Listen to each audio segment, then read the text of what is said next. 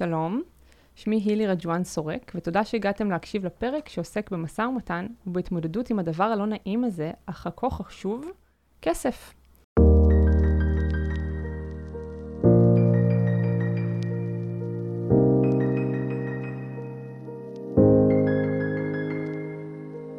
היום אני אארח כאן את יעל אלעד, שותפה ו-CFO בקרן הון סיכון א'.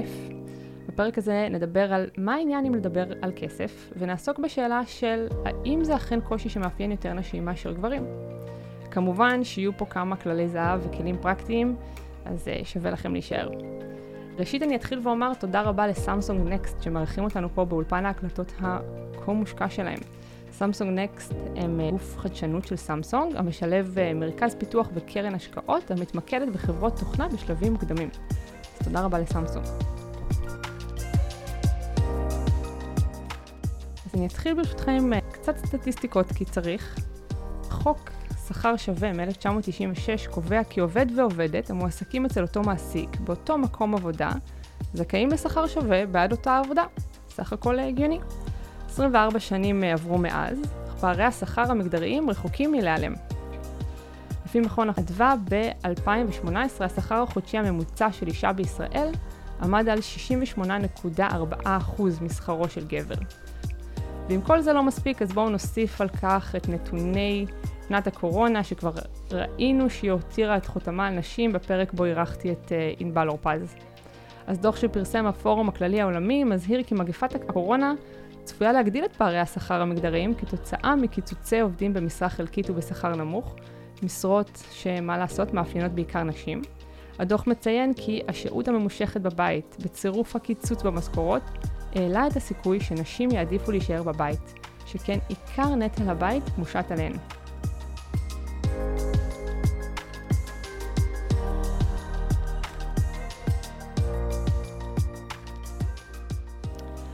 אז כמו שכבר ציינתי פה בעבר, אני כמובן, אה, אין לי בעיה להביא לפה סטטיסטיקות, אבל המטרה היא לא לבכות רק על, אה, על המצב, אלא באמת להביא לפה כלים פרקטיים ונחשוב ביחד מה ניתן לעשות.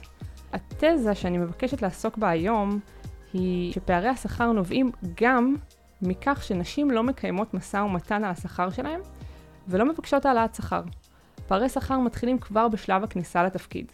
הרי זה רק הגיוני שאדם שלא מתמקח על המשכורת בתחילת הדרך, בהנחה שהפירים שלו כן עשו זאת באותו שלב, אז ככל שהם יצמחו בקריירה, הפערים רק אה, יגדלו ויגדלו. כל הגדלת שכר תעשה באחוזים, והפערים, כמו שאמרתי, ילכו ויגדלו, ומחקרים מראים בבירור שנשים פחות ופחות מתמקחות על המשכורות שלהם. ואז גם בארגונים שנתפסים בינינו כשוויוניים, נשים עשויות לגרום לפער כזה, שכן גברים כן ידברו על המשכורת שלהם, ונשים פחות. אז כדי להתמודד עם כל השאלות הקשות האלה ולראות איך מתגברים עליהן, אני מארחת כאן את אה, יעל אלעד, בלי, בלי לחץ. אה, שותפה ו-CFO בקרן הון סיכון א'. יעל משמשת אה, אשת סוד ומנטורית לנשים רבות בתעשיית ההייטק. אני אחשוף שגם של מנחת פודקאסט זה, ויש לה ידע מקצועי רב בניהול כספים והשקעות, אבל גם הרבה ידע בכל הנמצא מאחורי הקלעים. ולכן חשבתי שזה יכול להיות מרתק להביא אותה, אותך יעל, לכאן לדבר על פרק שמתעסק בכסף. אז שלום יעל. היי הילי, מה נשמע? מעולה. לדבר על כסף עם חיוך, כבר טוב. לגמרי, חיוני. כן. אז יעל, ברשותך, אני רוצה לקחת אותנו צעד אחורה. למה נשים פחות נושאות ונותנות על נושא השכר שלהם מגברים? יש לנו אישוז עם כסף? אני רוצה לה, להאמין, או אני מניחה, של... אנשים באופן כללי יש קושי עם כסף. זה מביך אותנו לדבר על זה. אבל ספציפית, אני רוצה, לפני שניגע רגע בענייני הכסף, אני רוצה רגע לחזור אחורה לתזה שלך, כי צריך לעשות הבחנה בין שיחה על כסף בקונטקסט של שכר, אה, אני חושבת שזה נושא עוד יותר כבד, מאחר והשכר הופך להיות מדד לכמה אני שווה וכמה מה אני מעריכה את עצמי, לעומת איך מעריך אותי מי שיושב אה, מולי או המעסיק שלי, לעומת ניהול של כסף, שגם הוא נושא מורכב והוא מעורר אה, פחדים, אבל הוא לא מרכזי לדיון על פערי שכר. ההערכה שלי ששכר הוא מדד מספרי לשווי שלנו. אנחנו נמנעות מלהעמיד את עצמנו מול סרגל עמידה, מפחד אה, אמיתי מה, מה, מהפער שיכול להיווצר בין הדרך שבה אנחנו מעריכות עצמנו לעומת אה, הצד השני. זה לא נעים. זה מביך. Uh, ואני רוצה על הדרך גם להוסיף uh, התייחסות לציטוט שהבאת uh, מדוח הפורום הכלכלי על מצב הנשים בתקופה הזאת. הוא מוכיח, בלי להתכוון, שנשים מוותרות על ניהול, ניהול המשא ומתן גם בתוך הבית. אם, גם אם לקחו על עצמם יותר עבודה בתקופת הסגרים, זה לא אומר שהן חייבות לוותר על החזרה לעבודה. והייתי שמחה אם המחקר היה מאיר קצת יותר את התוצאה הזאת. קשה לי לקבל אותה בלי להבין יותר את המניעים שגורמים לנשים אה, אה, לוותר כן. על החזרה לעבודה. אה, ונורא מסקרן אותי מה הדינמיקה שיוצרת את התוצאה הזאת. אה, זה מאוד, בעיניי מאוד מעורר מחשבה. כן. קודם כל, אה, אני, אני מסכימה אה, ששיחה על כסף היא שיחה לא נעימה, ושיחה קשה לכולנו. ועם זאת, עדיין מרגיש לי שעצם ההתעסקות בכסף היא כן אישו שקיים יותר לנשים. ואני אתן לך דוגמה שקרתה לי האמת במקרה שבוע שעבר, וממש צמררה אותי. שוחחתי עם אה, אישה מקסימה, בעלת עסק קטן, לגבי אה, שיתוף פעולה אה, שיווקי מסחרי באינסטגרם. הייתה שיחה נעימה, התקדמנו, וברגע שהגענו לדבר על תשלום עבור הקמפיין, היא אמרה, ואני מצטטת, רגע, רגע, רגע, בעלי מתעסק בחלק של הכסף, ופשוט לפני שבכלל הספקתי להשלים את המשפט, היא העבירה לו את הטלפון, לפני שהבנתי מה קורה. וואו. 2021. אה, וואו. אה, אני חושבת שאפשר להקדיש פרק אה, נפרד ליחס של נשים לניהול כסף ועל המקום שיש לכסף בזוגיות. דרך אגב, ואנחנו יודעות גם את ההשלכות שיש לזה גם כשבני זוג מחליטים להיפרד, וגם על, אני חושבת שזו סטטיסטיקה יביאה שיש לא מעט מריבות בתוך הבית, שהתוצאה שלהם, שהסיבה להם היא, היא ניהול כלכלי או ניהול החלטות כלכליות. אה, וזה מאוד דומה בעיניי, או יושב על אותו מקום ש, של המקרה שאת מתארת, אבל יש כאן שני נושאים נפרדים. אה, כסף כנכס שצריך לנהל והידע שכרוך בכך, אה, ויש גם גברים שנרתעים מלגעת בפנסיה שלהם או לקרוא את, האות, לקרוא את האותיות הקטנות בחוזה של הבנק, וכסף בהקשר התעסוקתי, ששם הוא הופך, כמו שכבר אמרתי קודם, למדד של שווי והצלחה. כמה אני מרוויחה, זה, זה מה אני שווה ביחס לקבוצת השווים שלי. אני, אני משווה את עצמי לגיסתי, לאחותי, לחברות שלי, לשכנות שלי. אה, ודרך אגב, לא רק, זה לא השוואה גם בין אה, נשים לנשים, אני משווה את עצמי גם למקבילים שלי בתחום, גם אם הם לא נשים, אלא גברים. אז ההכנסה שלי היא ממש... עוד מידה שאני לוקחת איתי, כמו מידת המכנסיים ומידת הנעליים, והיא יותר משמעותית כי היא גם מקור להשוואה. כן, אז ממש את מדברת על, זה בעצם לא רק הנושא של כסף שאנחנו נרתעות ממנו, זה עצם השיחה הנוגעת לערך העצמי שלנו ולקשור אותו ישירות במספר, ממש לשים תג מחיר לערך העצמי שלנו. את מרגישה שלגברים יש את התחושות האלה פחות? אני מאוד בספק. אני חושבת שהקושי או אי הנעימות שכרוכים בסיטואציה הזאת הם אה, אוניברסליים. Uh, אני חושבת שיש אנשים שמתגברים על זה יותר בקלות אולי, או כאלה שמגיעים uh, לסיטואציה ומתמודדים איתה uh, במהירות יותר גדולה. הם, הם קופצים מעל המשוכה הזאת יותר מהר. Uh, ויש כאלה שאחרים שהקושי בשבילם הוא מונומנטלי, אני בטוחה שיש גם גברים שלא מנהלים משא ומתן על השכר שלהם, או שלוקחים uh, את ההצעה הראשונה שהם מקבלים ו- ואומרים תודה. אני לא חושבת שזה מאפיין נשים, אנחנו יותר עסוקות בזה, כי אני חושבת שבממוצע, uh, כשמסתכלים על, ה- על, על המכלול, אנחנו נמצאות במצב פחות טוב, ועובדתית זה משפיע על, ה- על תוצאת השכר שלנו. כן. אז תראי, אני, אני מכירה אותך, מהפעם הראשונה שנפגשנו, אני מכירה אותך כבר כמנהלת בכירה, אה, כ-CFO בקרן מצליחה. זה גם הזמן ל- לעשות אולי גילוי נאות אה, ולומר שככה אנחנו גם, אה, אנחנו עבדנו ביחד בקרן א', וככה אנחנו מכירות ונשארנו חברות טובות. אז אני מכירה אותך כאישה שיודעת לדבר על כסף. זה תמיד היה ככה? אמ, אני מעריכה שכן. מאחר וכסף תמיד נקשר אצלי לעצמאות שלי, למרות שגדלתי בבית אה, מאוד אה, אוהב ותומך, ושום דבר לא היה משמח את אבא שלי יותר מאשר לא הייתי נשארת לגור איתו בבית, ואיתו ועם אמא שלי אה, תמיד, תמיד, תמיד. אז שום דבר לא דחף אותי החוצה, אבל מלבד הצורך הפנימי שלי, היה לי מין צורך פנימי לצאת ולראות את העולם וללמוד בחו"ל, והכל היה דברים, כל הדברים האלה היו דברים שאני... הבאתי על עצמי.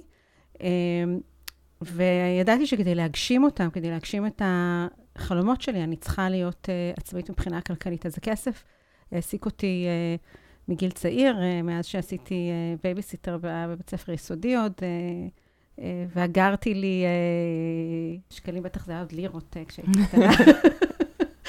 בשקית קטנה, ותכננתי uh, לצבור מספיק כסף כדי לנסוע לחו"ל יום אחד, לנסוע לאמריקה, אמריקה זה היה כאילו פסגת השאיפות.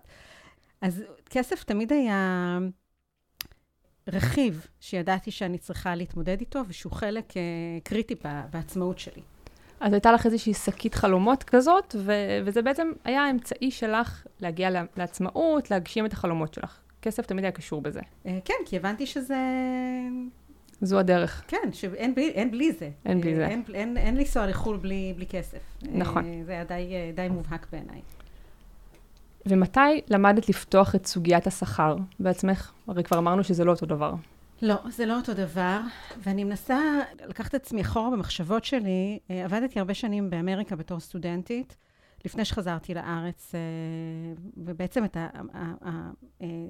התעסוקה המשמעותית שלי עשיתי יותר, חלק יותר גדול משמעותי ממנה בארץ.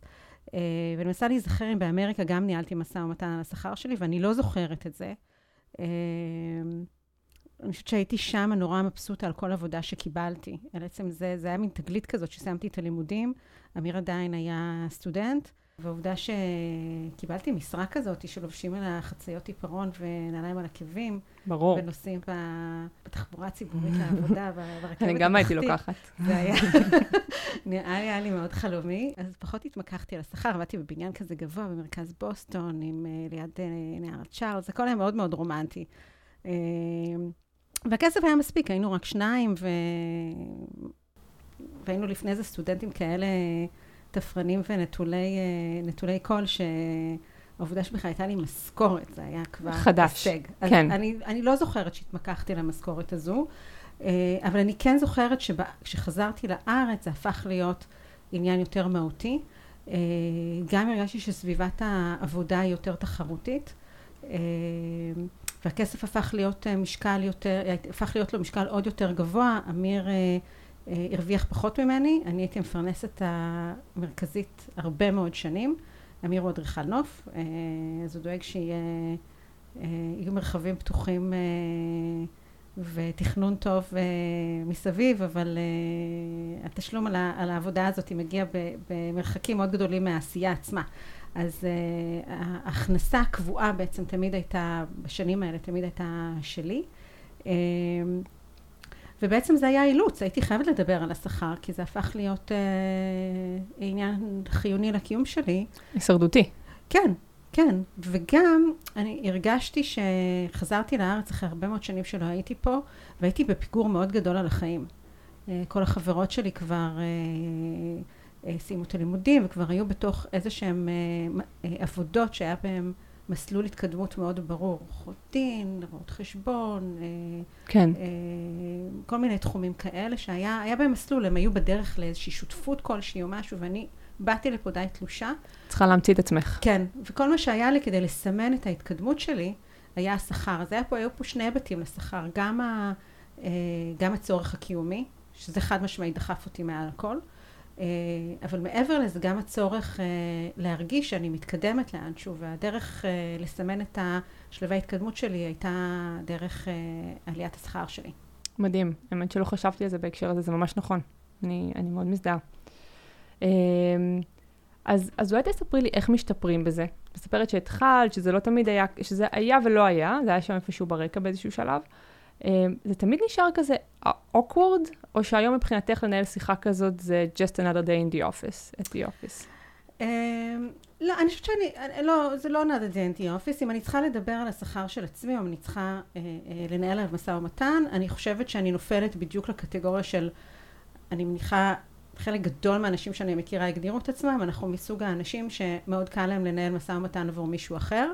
והרבה פחות על עצמנו, אז אין לי ספק שאם הייתי צריכה לנהל משא ומתן על, על התנאים של אחד העובדים, היה לי הרבה יותר קל מאשר לדבר על עצמי, והייתי עושה את זה בהרבה יותר חדווה ונינוחות, אז לא, עדיין לא קל לי עם זה. אבל היה לי, היה, לי איזה אירוע אחר שבו למדתי לדבר על כסף שמאוד מאוד שכלל את היכולות שלי. ועבדתי לפני הרבה מאוד שנים בכלל, והייתי אחראית שם על תחום של בניית עסקאות חוב. לפני שתחום החוב הפך להיות משהו שעושים באג"חים, בנינו, לא משנה, זה, זה באמת סיפור נורא מורכב, אני לא רוצה כרגע להסיט את הדיון, אבל... אה, גם רק התחלנו לדבר על כסף, עכשיו את מכניסה לפה אג"חים. כן. אני רוצה לערבב שמחה ושמחה. אבל לא משנה, בניתי סטרקצ'רים של חוב מאוד מאוד מעניינים, והם היו נורא מורכבים, והייתי אני הקטנה שהצגתי בתחום הזה את כלל. אה, לצידי היה עורך דין אה, מקסים, שבאמת לימד אותי את כל הדברים החשובים שהייתי צריכה ללמוד, אבל מהצד השני של השולחן ישבו אה, אנשים שהם היו אז, לדעתי גם היום, נחשבו שועי עולם, הם האנשים שהם לא עבדו בראש פירמות גדולות, הם היו הבעלים של החברות האלה. אנשים שניהלו חברות, היו הבעלים של חברות ענק, שהיו להם צרכים פיננסיים שהשוק אז לא יכול היה, לא היה מספיק משוכלל כדי לענות עליהם, והאג"חים האלה פתרו חלק מהבעיות האלה. והייתי צריכה לבקש מהאנשים האלה פרמיה על, על האג"ח הזה. הייתי צריכה לבקש אה, מחיר תמורת אה, העובדה שכלל העמידה לרשותם את ההון העצמי שלה, mm-hmm.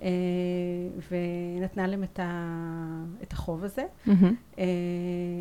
והייתי מתפתלת, הרגשתי עם זה מאוד לא נעים. ואלדד, עורך הדין, אה, אמר לי, כשאת מבקשת כסף, את מסתכלת בעיניים. מרימה את הראש מהניירות, מסתכלת לצד השני בעיניים, ואת אומרת מה את רוצה. אה, ואני חושבת שזו הייתה אחת העצות הכי טובות שקיבלתי אה, על הנושא הזה, וברגע שהצלחתי לעשות את זה, זה גם מאוד שחרר אותי, וגם נתן לי בסיס מאוד חזק אה, לדבר על כסף. ודרך אגב, גם על דברים מביכים אחרים, גם היום אם אני צריכה לדבר אה, עם הילדים שלי על, אה, על מיניות למשל, אני אעשה את זה באותה צורה, אני, אני אזדקף ואני אסתכל עליהם בעיניים.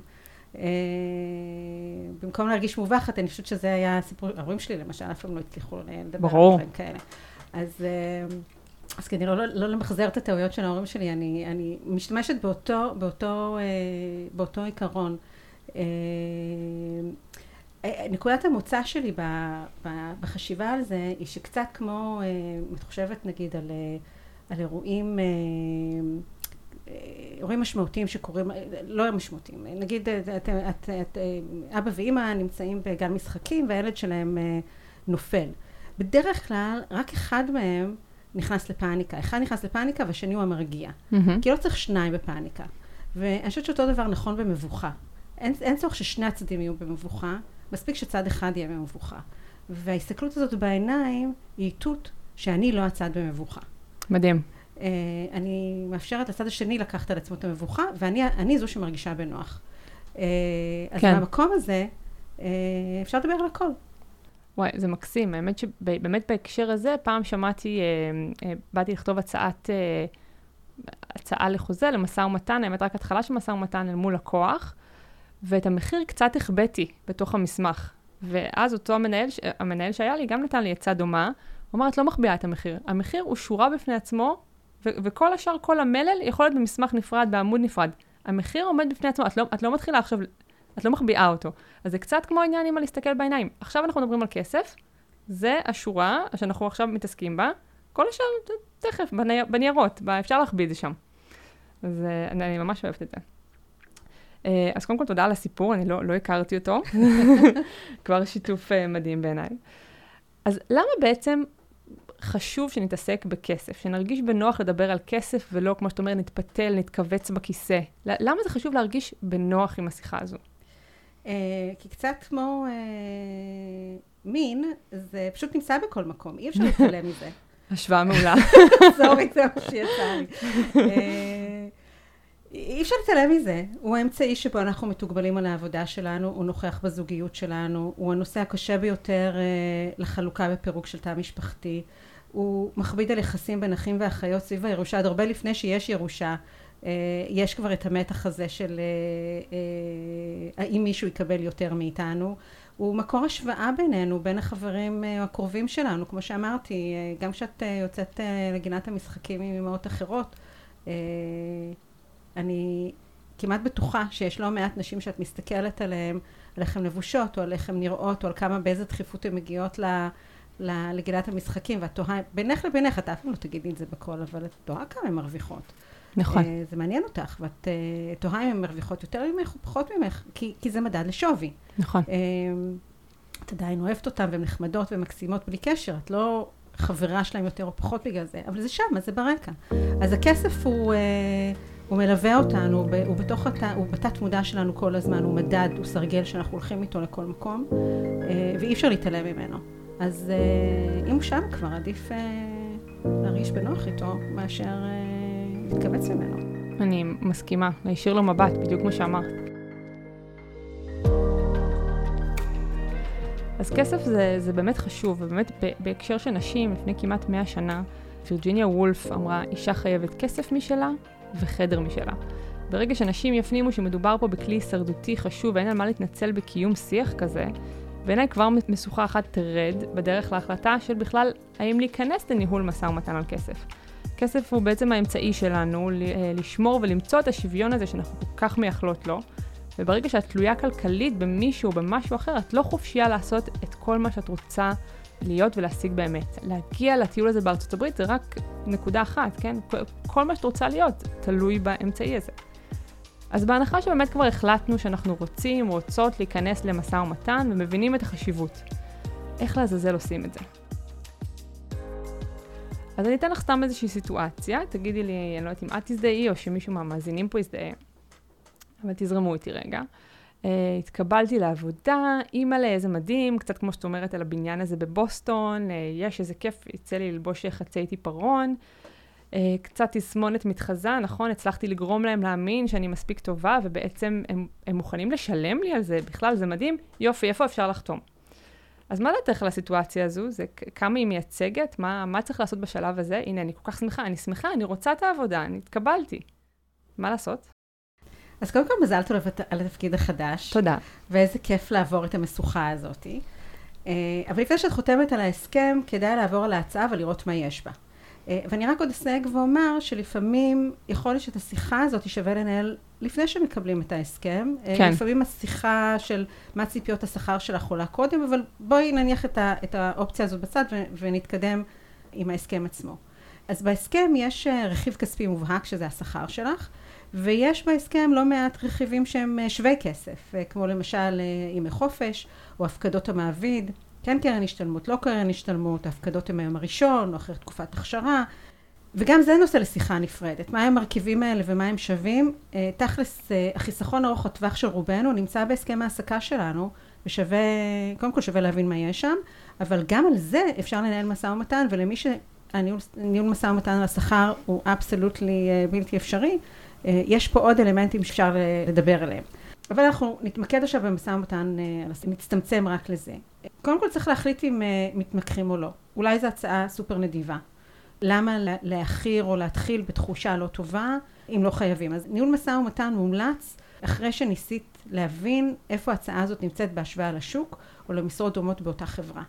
מאוד חשוב לבוא עם טיפ-טיפה אינפורמציה. כן.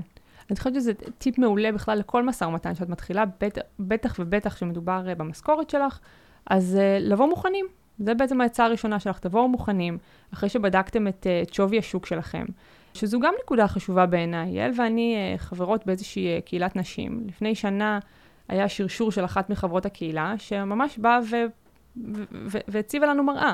אמרה, אנחנו מתעסקות בשאלות שקשורות בפוריות, אנחנו מתעסקות בשאלות שקשורות בזוגיות, ב- בילדים, בגירושים, אנחנו לא מדברים על כסף ומשכורות. והיא שאלה, כמה אתן מרוויחות? אז אני בעד לפתוח שיחה כזו, דרך אגב, לא רק בין נשים, פשוט בין אנשים, ולדבר עם uh, פירים, עם קולגות, וליצור לעצמכם איזשהו בנצ'מרק כזה, של להבין כמה בערך אתם אמורים, uh, בהתאם לכישורים שלכם, בהתאם לדרג שלכם, כמה אתם אמורים להרוויח על משרה כזו. ובעצם יעל אומרת, אל תתמקחו בשם הלהתמקח, זו לא המטרה. אה, יכול להיות שכבר ההצעה ממש טובה, אבל תבואו שכבר יש לכם איזשהו טווח מספרי בראש, ומפה אנחנו סוללים את הדרך אה, בבטחה. מעולה. אז כבר טיפ ראשון יש לנו. איך מתקדמים מפה? אז אם הגעת למסקנה שיש כאן מקום לשיחה, אל תדחי אותה. אה, זה המקבילה של להסתכל בעיניים. תזמני אותה ותקדמי אותה. באופן טבעי, אי הנעימות שלנו גוררת הימנעות, ואנחנו עלולות לשכנע את עצמנו שיש במשרה הזו מעלות רבות שמפצות אותנו על השכר הנמוך. ודרך אגב, זה גם משהו שאני חושבת שמאפיין אה, אותנו כנשים לא מעט, אה, המיקוד בתוכן, כן, לא משלמים לי הרבה, אבל אני עושה דברים נורא מעניינים ויש לי הרבה אחריות.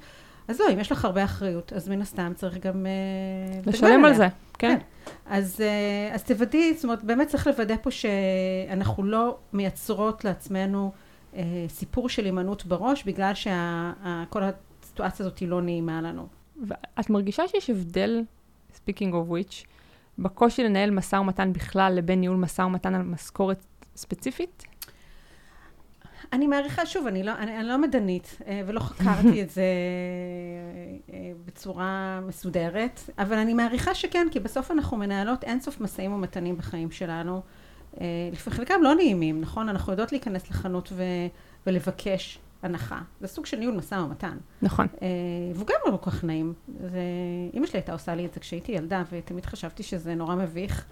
אה, כי הכי נוח זה להיות הלארג' הזה שמגיע, או הלארג'ית, שאין לה בכלל מגבלה כספית, וכל מחיר שמבקשים ממנה אין לה שום בעיה לשלם.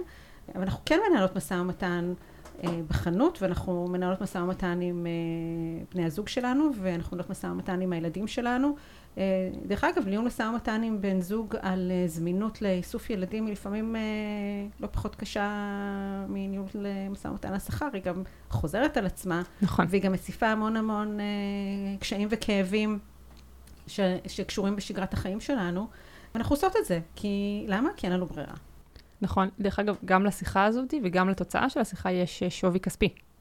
נכון. כל העבודות השקופות האלה, שאנחנו לא מקבלות עליהן משכורת. אה, לא, גם אם זו עבודה לא שקופה, גם אם את, את, השיחה היא על זמינות, אמיר ואני אה, מנהלים יומנים כפולים, שבהם כל אחד מאיתנו מכריז מתי הוא נמצא בבית, מתי הוא זמין. היום הילדים שלנו כבר גדולים, לא צריך לאסוף אותם, הרבה שנים ניהלנו משא ומתן על, על מי זמין לאסוף ילדים. מוכר. ומה קורה כשיש לנו uh, התנגשות של, של יומנים. שנינו אנשים עובדים, ויש מצבים ששנינו לא יכולים לוותר על, על להיות בפגישה, או להיות מחוץ לבית, וצריך למצוא איזשהו פתרון. לא הייתה לנו אף פעם בייביסיטר קבועה או מטפלת, אז תמיד היינו צריכים לג'נגל או להזמין איזה סבתא, שזה גם לא נוח בפני עצמו. אז הניהול משא ומתן הזה הוא, uh, הוא קורה כל הזמן. ויש לו, לו ערך גם, גם כספי וגם רגשי. לא כן. לא מבוטל. כן. דרך אגב, בהקשר לנקודה שאמרת לפני כמה דקות, על זה שכשאימא שלך הייתה מבקשת הנחה בחנות, אז יש אה, משפט כזה שאנחנו מאוד תופסים אנשים שיש להם הרבה מאוד כסף, שהם לא צריכים לשאול כמה דברים עולים. אז ברנה בראון מדברת על זה בספר שלה, The Power of Vulnerability, שדווקא אנשים עם כסף הכי שואלים כמה דברים עולים, והם גם יודעים כמה דברים עולים, בגלל זה יש להם כסף.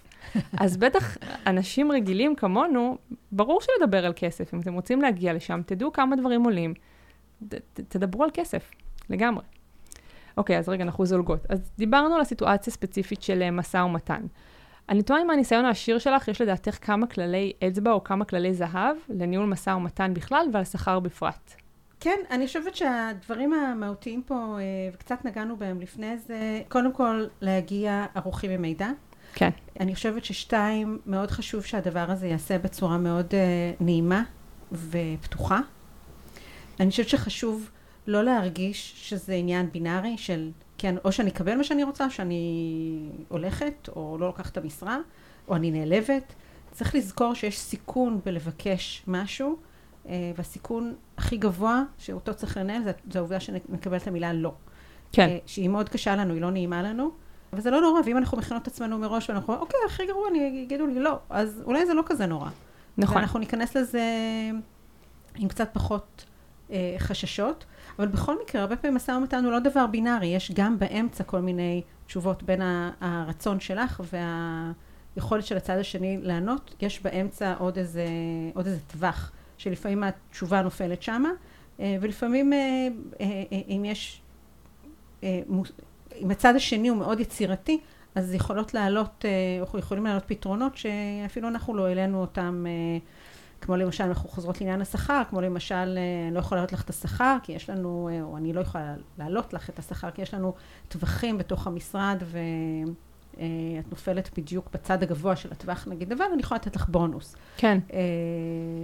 או להתחייב שהבונוס שלך יהיה מינימום איקס uh, משכורות אם את uh, תעמדי בציפיות שלנו. אז יש עוד כל מיני דרכים לייצר העלאת שווי, כן. גם אם הם לא נמדדים בדיוק ב, uh, בתוצאה של, uh, של השכר החודשי. שהם שווי כסף. כן. שהם כמו למשל ימי חופשה, כמו שאת אומרת, ויש בונוס. ויש גם כאלה, נכון. כן. הגדלה של ימי חופשה, או אה, אה, אה, הקדמה של אה, הפקדות, או נכון. כל מיני דברים מהסוג הזה. כן, אני יכולה לחשוב על עוד דברים. אני יודעת שנשים הרבה פעמים, או בכלל הורים מעורבים מבקשים אה, אה, עבודה מהבית, או כן. אה, גמישות יום, בשעות. יום קצר, כן, יום שלו, שעוזבים קצת יותר מוקדם ומשלימים שעות יותר מאוחר. כן, כן. יש אה, באמת טווח מאוד רחב של דברים שאפשר לקבל כדי להפוך את הדבר הזה, את התוצאה הזאת לחיובית אה, מבחינתך. כן. אה, לאחרונה האמת למדתי על אה, מושג חדש, אה, sign up bonus. פשוט בונוס חתימה. שזה חדש, לא שמעתי על זה לפני כן. זו המצאה ישנה. זו המצאה ישנה? כן. אוקיי, אני לא הכרתי את זה. לא הציעו לי עד עכשיו. אמ, אבל, אבל כן, אפשר גם לחשוב על קורסים מקצועיים לבקש, לצאת לכנסים, מימון אה, התפתחות אה, אישית אה, על כל סוגי אה, תחומי אחריות. אה, טייטל, טייטל זה חתיכת דבר להתמקח עליו. האמת היא כן, אני אף פעם, זה משהו ש... אה, אף פעם לא הצלחתי אה, להביא את עצמי, אה, זה אף פעם לא נראה לי מספיק חשוב אה, להתווכח עליו. אני הייתי מאלה שתמיד חשבו שיותר חשוב שהעבודה תהיה מעניינת, מאשר שיהיה... כן. באמת הלכתי הרבה שנים בלי שום אה, טייטל בלי מעניין. שום טייטל. דרך אגב, אני, אני חשבתי על זה כהכנה לשיחה בינינו, אה, חשבתי על כל אה, העבודות הקודמות שלי, וחשבתי על זה שבשכר, אני חושבת שהרווחתי, נגיד עבדתי במקום כמו כלל, שהוא מקום מאוד גדול, עבדתי בתחום של ההשקעות שהוא בשנים ההם היה ברובו, באמת כולו, גברי, אה, חוץ מהעוזרות האישיות והמזכירות, אה, היו מעט מאוד נשים שעבדו בצד הסופר מקצועי. ואני חושבת שהשכר שלי לא נפל מזה של אחרים, או לא בצורה מאוד דרמטית, אבל אני חושבת שקופחתי בצורה מאוד משמעותית ב- באופציות, כי זה היה משהו שלא הבנתי בו מספיק, Mm, אה, ולא ידעתי אה, לדרוש אותו, אה, והיום הייתי מתנהלת אחרת לגמרי, אני חושבת, סביב זה. מדהים. בעיניי זו אחת הסיבות שאנחנו מקליטות את הפרק הזה פה היום, כדי שמבחינתי זה פשוט לה, להביא את זה למודעות. אתן באות לדבר על משהו מאוד מאוד חשוב, תדעו על מה אתן מדברות. אופציות, אוקיי, ת, תבינו את השווי שלהם, תבינו איך ממשים, מממשים אותם. זה, זה דברים שמאוד מאוד חשוב להבין בהם וכמה שיותר מוקדם.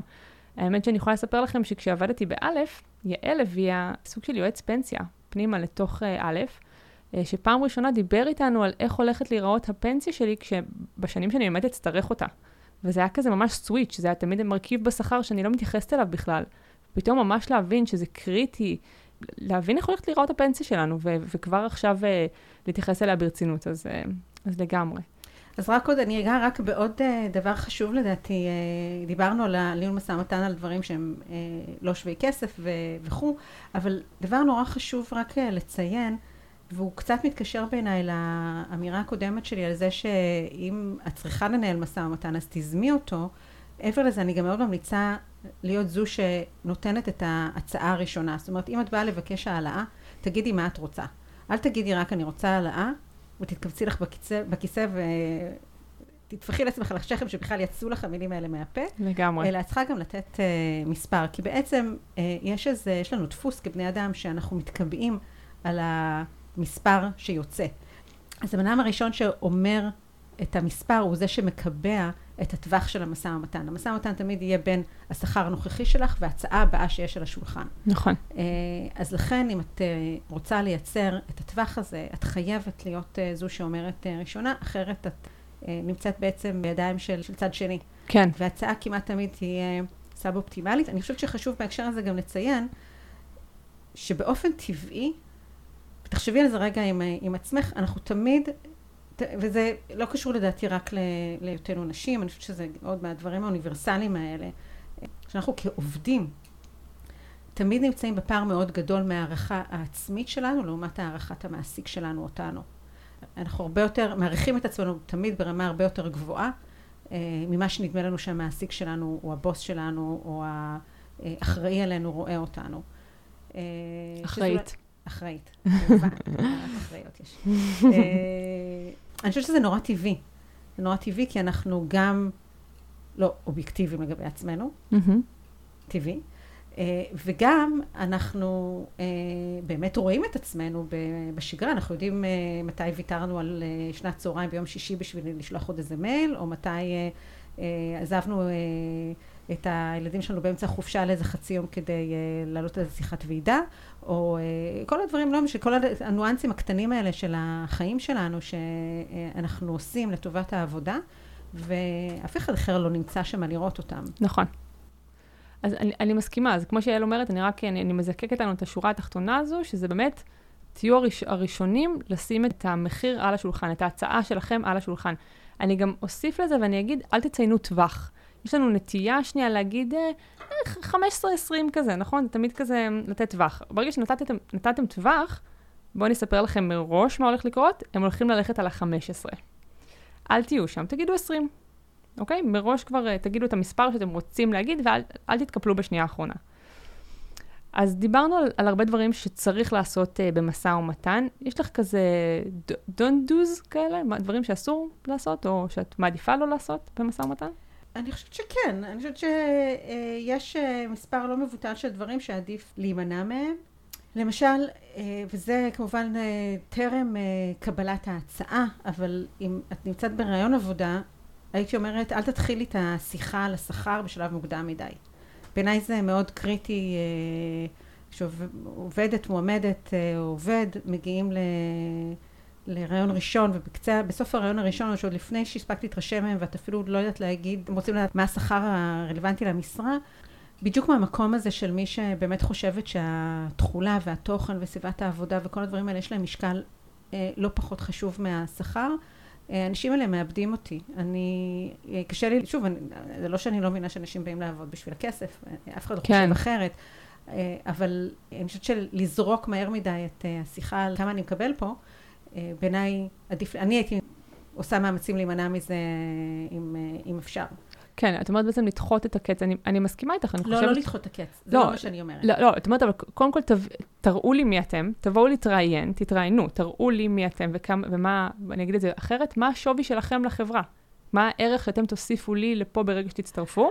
ואז אפשר לדבר על, על כסף. או שדרך... אפילו יותר מזה, בואו נראה שיש התאמה. אם אין נכון. התאמה, כמה מועמדים מגיעים ל, ל, ל, לחברה, הם עוברים את הרעיון הראשון, והם אה, לפעמים גם את השני, והם לא רלוונטיים, ולא מתאימים מאיזושהי סיבה, אז בואו קודם נראה שיש התאמה. נכון. בואו נחליט שיש לנו פה אה, בסיס לעבודה משותפת, ואז נדבר על שכר. אבל כן. לפני שבכלל מדדתי את, ה, אה, את היכולות, ואת מידת ההתאמה לתפקיד, או לסביבה, או מה שזה לא יהיה, מוקדם לי, שנייה. כן. דרך אגב, זה נכון גם לשיחות העלאת שכר. אני חושבת שאם אתם כבר עזרתם את האומץ ואתם באים אה, לבוא ולדרוש אה, העלאת שכר, תבואו כשאתם, יש לכם נתונים, מלא דאטה על השנה האחרונה. אני הייתי מעולה, כי תראו, הגדלתי את זה בככה וככה, ואני הבאתי לפה את זה. תבואו עם נתונים, תראו את הערך שלכם וכמה אתם תרמתם לארגון, לחברה, בדיוק כמו ברעיון עבודה, ואז בהקשר לזה, הנה, בגלל זה אני חושבת שמגיע לי העלאה. ולא סתם מגיע לי כי מגיע לי כי אני כזאתי מהממת. לא, בואו בוא נשים פה דברים, אה, אנחנו מנהלים פה עסקים. וזה נוגע לעוד אה, נקודה שגם קשורה ל, על, על ציר הזמן. אה, הייתי מציעה גם לא, לא לקבל ולא לדחות הצעה מהר מדי. קיבלתם הצעה, מישהו זרק, זרק, נתן לכם הצעה עם מספר, בין אם זה העלאת שכר או בין אם זה הצעת עבודה, תחשבו על זה רגע. אל תמהרו להגיד כן ואל תמהרו להגיד לא. כי אפשר ליפול בשני המקרים, גם הצעה טובה, אפשר עדיין לשפר. אה, אבל אם קיבלתם אותה מהר מדי, ולא חשבתם עליה עד הסוף, איבדתם בעצם את החלון ההזדמנויות שיש בשביל לנהל משא ומתן. אי אפשר קודם לקבל את ההצעה ולהגיד, אה, אתם יודעים נכון. מה בעצם? שכחתי להגיד שאני רוצה קצת יותר... אה, המומנטום. כן. ברור. אז, אה, אז צריך לקחת פה את הזמן ולהיות מדויקים מבחינת התזמון. והייתי אומרת גם לא לקחת את כל הנושא הזה של המשא ומתן על השכר יותר מדי אישי. אה, מהצד השני יש בן אדם שהוא לא בהכרח מקבל ההחלטות האחרון בשרשרת. הוא יכול להיות, אה, היא או הוא יכולים להיות אה, מישהו שהוא דרג ביניים, שצריך לקבל עוד אישור בשביל העלאה, או צריך להביא בחשבון את ההשפעה שלה על כל האנשים האחרים בקבוצת העבודה הזאתי. ולפעמים התשובה היא לא, לא כי לא מגיע לך, אלא כי... כי זה שלידי מרוויח פחות. כן, או, כן? לא, לא משנה, אלף אחת סיבות. לגמרי. וצריך מאוד לא לקחת את זה אישי, אה, בעצם הציפייה שהעלינו את הנושא הזה צריכה לא לגרום לנו יותר מדי להתאהב בו, שנעלב אם לא נקבל מה שאנחנו רוצות. נכון, שזה תמיד נכון, בטח בשיחות כאלה קשות.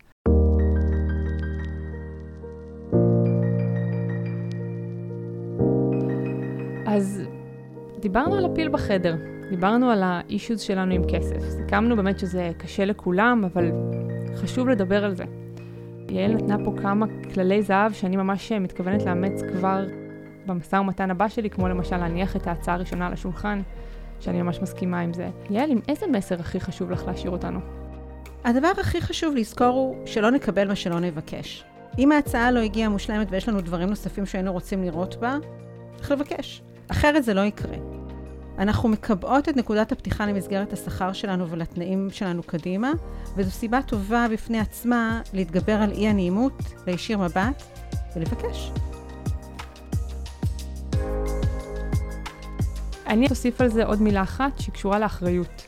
אתם יודעים, אלו החיים שלנו, ואף אחד לא הולך לעשות את העבודה הקשה הזו עבורנו. הכל, בעיניי, זו בחירה. אנחנו יכולים להתחמק מהשיחות הקשות האלה כמה שאפשר, אבל רק חשוב שנדע שלכל דבר כזה יש מחיר. ועם קצת כלים, ככה כמה כללי זהב שיעל דיברה איתנו עליהם פה היום, אני מאמינה שהרבה יותר בקלות אנחנו נוכל להתמודד עם סיטואציות כאלה.